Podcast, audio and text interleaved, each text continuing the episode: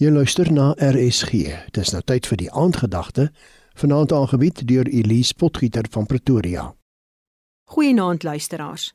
2 Petrus 1 vers 2 lees: Mag daar vir julle genade en vrede in oorvloed wees deur julle kennis van God en van Jesus Christus ons Here.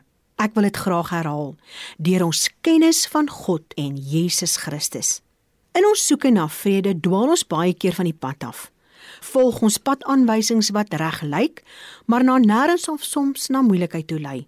En baie keer luister ons na wêreldse navigators wat ons van die wal af in die sloot lei. Daardie slote van die lewe is soms so diep dat ons te vergeef spartel om weer bo uit te kom. Hierdie bestemmings is wêrelds en maak nie saak hoe ons daarna kyk nie. Dit kan nie vir ons die vrede gee wat Jesus Christus ons beloof in Johannes 14:27 nie.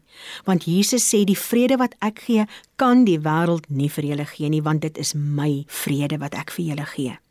Die dag toe ons Jesus Christus ons verlosser gemaak het, het ons vrede gekry. Vrede omdat ons geweet het ons siele is nou gered of ons hoef die dood nie meer te vrees nie. Maar wat van vrede tydens ons verblyf op aarde? Hoe kan ek van daardie vrede bekom?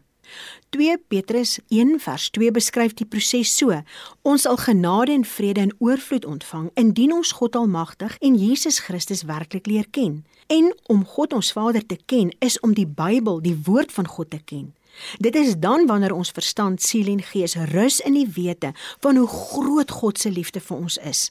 Romeine 8 verduidelik dat God se liefde vir ons van so 'n aard is dat geen dood of lewe of engele of magte of hoogte of diepte of enigiets anders in die skepping ons van God se liefde kan skei nie.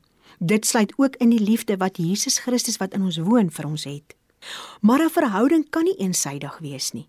Ons moet van ons kant af 'n besluit neem om God deel van ons lewens te maak.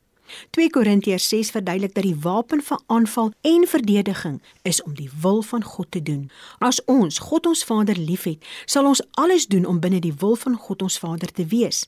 Sy wil en ons wil sal een wees.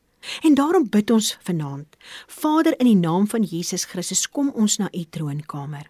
Ek bely vanaand dat die meeste afdraai paaie wat ek in my lewe geneem het, nie aanwysings gehad het wat u vir my gedagte gehad het nie. Maar nou sê ek, Dankie dat u woord my leer dat u genade en vrede in oorvloed vir my sal wees as ek u en Jesus Christus deur u woord sou leer ken.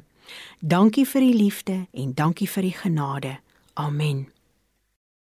Dit was die aandgedagte hier op RSG, aangebied deur Elise Potgieter van Pretoria.